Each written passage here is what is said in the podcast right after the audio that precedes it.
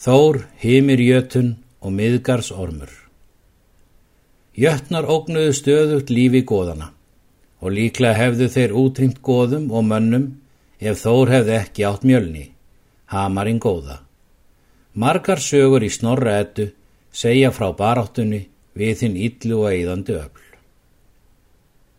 Eitt sinn hjælt Þór austur í jötunheima til að hefna sín á jötnum sem höfðu leikið hann grátt skömmu áður. Hann brá sér í gerfi ung strengs og gekk af stað. Eitt kvöld kom hann til jötun sem himir hétt og gisti hjá honum um nóttina. Morgunin eftir stóð himir upp og saðist að róa til fiskjar. Þór spratt þá á fætur og bað himi að leifa sér að róa með honum. En himir sagða lítið gagmundi verða í honum því hann var í bæði lítill og ungur og mynd þú krokna ár kulda ef ég fer eins langt og ég er vanur og sitt lengi við veiðarnar.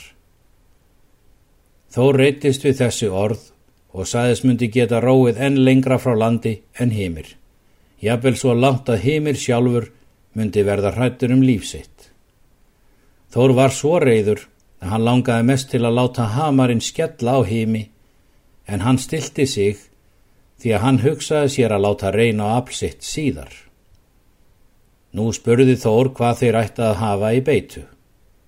Hymir sagði að Þór skildi sjálfur ráða fram úr því.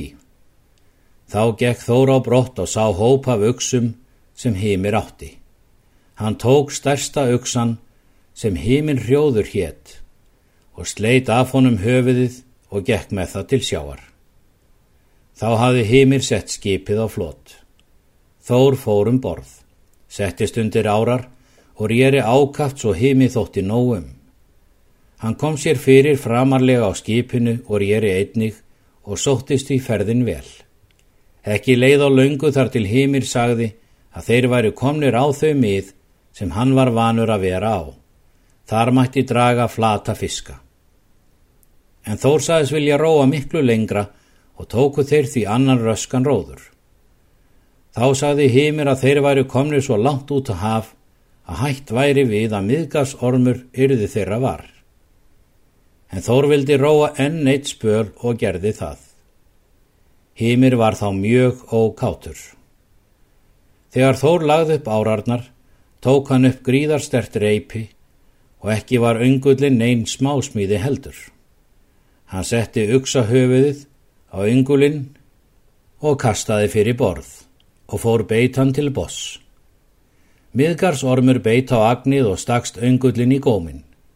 En þegar ormurinn var þess var, kifti hann svo fast í að hendur Þór skullu á borstoknum.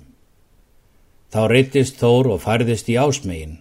Hann spyrti svo fast við fótum að þeir fóru gegnum skipið og allt nýður á sjáar botn. Því næst ró hann ormin upp að borstoknum. Augnaráð hans var óurlegt þegar hann kvesti augun á ormin. Ormurinn starði á móti og blés eitri.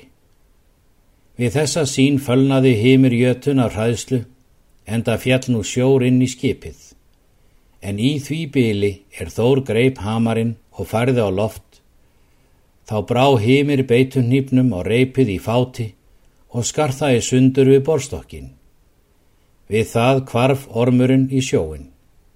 En þór kastaði hamrinum og eftir honum og sumir segja að hann hafi mölvað hausans við sjáarbotnin. Aðrir halda þó að miðgarsormur sé enn á lífi og liggi í sjónum, ringi sér utanum löndin og býti í spórsir. En af heim er það að segja að Þór veitti honum hnefa högg við eirað svo að hann stiftist í sjóin og sá í iljar honum. Eftir það óð Þór til lands.